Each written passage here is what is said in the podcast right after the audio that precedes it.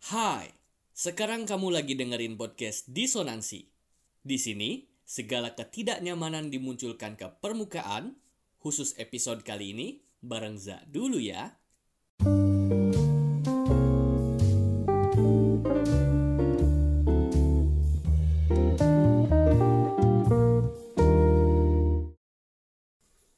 Halo pendengar setia disonansi, apa kabarnya nih? Semoga kabar kalian baik-baik aja ya. Kali ini aku mau bahas satu hal penting yang aku rasa ini sih sangat kritis dan jadi permasalahan besar bagi mayoritas kita. Aku secara pribadi nggak setuju dengan istilah time is money. Karena jika memang benar bahwa time is money, maka semua orang pasti punya jumlah uang yang sama. Karena kita pada dasarnya diberi jatah waktu yang sama. Ya nggak? Kesuksesan besar yang diraih oleh banyak orang di usia yang relatif muda tidak terlepas dari cara mereka mengatur dirinya sebaik mungkin. Contohnya Bill Gates. Mungkin nama ini nggak asing telinga kita. Microsoft adalah perusahaan yang dibangunnya dengan begitu luar biasa. Tetapi sisi lain yang tak kalah pentingnya, Bill Gates adalah orang terkaya nomor satu di dunia. Walau pernah berada di posisi kedua, yang pastinya dia tetap contoh orang ultra kaya di planet bumi ini. Nah, apa ya kira-kira yang membedakan kita dengannya?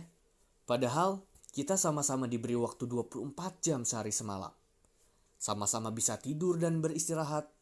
Sama-sama bisa menikah dan punya keluarga. Lantas, mengapa perbedaan taraf hidup dan penghasilannya begitu berbeda?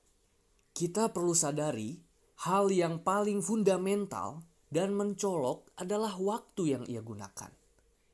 Ia menggunakan waktu begitu bernilai mahal. Ini yang menarik untuk dipikirkan. Artinya, sebenarnya kita semua punya kesempatan yang sama untuk menyamai dan melebihinya. Asal waktu yang kita gunakan sama pentingnya seperti kebiasaan yang telah ia lakukan setiap hari. Kalau menurut Jim Rohn, selaku bapak manajemen dunia, kita tidak dibayar sesuai waktu kerja kita.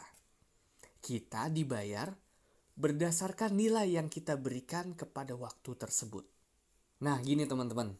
Aku yakin jika nilai diri kita begitu tinggi terhadap waktu yang digunakan, maka uang, kekayaan, dan pencapaian lainnya pasti mudah. Semudah Bill Gates mendapatkan uang hari ini. Ayo, mulai sekarang tanya ke dalam diri sendiri. Seberapa pentingkah kegiatan ini untuk saya? Untuk masa depan saya? Jika tidak penting, maka gantilah menjadi hal-hal penting. Aku menempatkan Bill Gates sebagai tolak ukur agar kita semua berani bermimpi. Berani menaikkan level pikiran kita, karena hanya yang berani berimajinasi tinggilah yang akan sampai ke tempat di mana orang lain tidak bisa merasakannya. Lain halnya dengan kebiasaan dari dua CEO top ini, Bob Iger, CEO Disney, dan Tim Cook, CEO Apple. Bob Iger memiliki kebiasaan penuh disiplin, yaitu bangun pukul setengah lima setiap harinya. Kemudian waktu itu ia manfaatkan untuk membalas email masuk melihat berita di TV, membaca koran, dan mendengarkan musik-musik positif. Perhatikan bedanya. Yang lain masih terlelap sedangkan ia sudah melakukan beberapa hal yang belum kebanyakan dari kita lakukan. Sama halnya dengan Tim Cook tentang kebiasaan bangun pagi.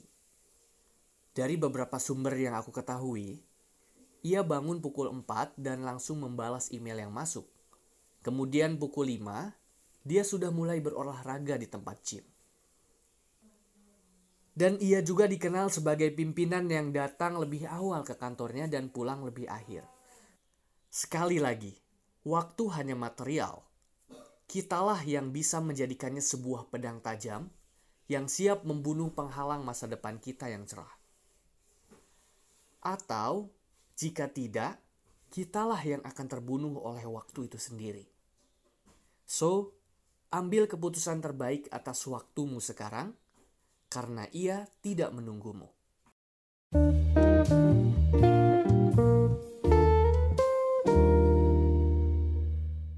Salam hangat ya dari Za. Semoga episode kali ini bermanfaat ya buat kamu.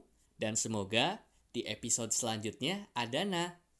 Sampai jumpa dalam episode disonansi selanjutnya.